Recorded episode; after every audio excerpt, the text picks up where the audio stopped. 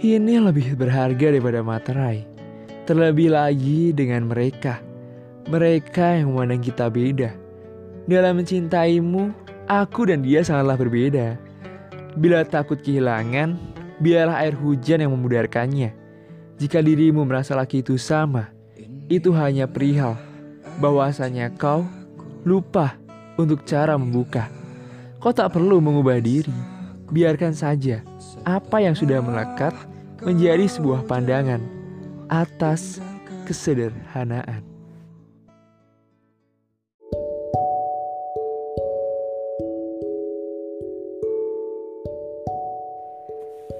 Mungkin saat itu aku mengenal, walaupun dalam perbedaan.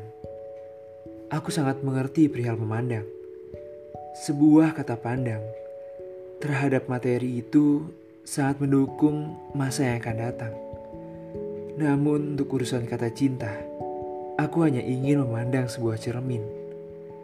Agar aku sadar dari mana asalku dan untuk siapa diriku ada. Perihal kata hilang, aku mengibaratkan sebuah abu, di mana itu akan terlenyap dengan sendirinya, seperti alam yang bekerja semestinya. Dengan persamaan, tak akan ada kata beda yang bertemu. Membuka sebuah peluang itu perlu, walaupun kau tahu akan menyampur adukan antara luka dan bahagia di dalamnya luka yang pernah ada di masa lalu dan menjemput luka kembali yang akan ada di masa yang mendatang. Jika boleh aku perintahkan, maka janganlah sekalipun merubah apa yang kau miliki.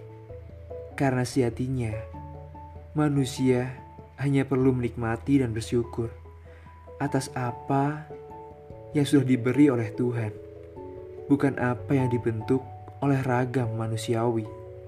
Itulah yang kumaksud dari hilangnya sebuah arti pandang dalam kesederhanaan.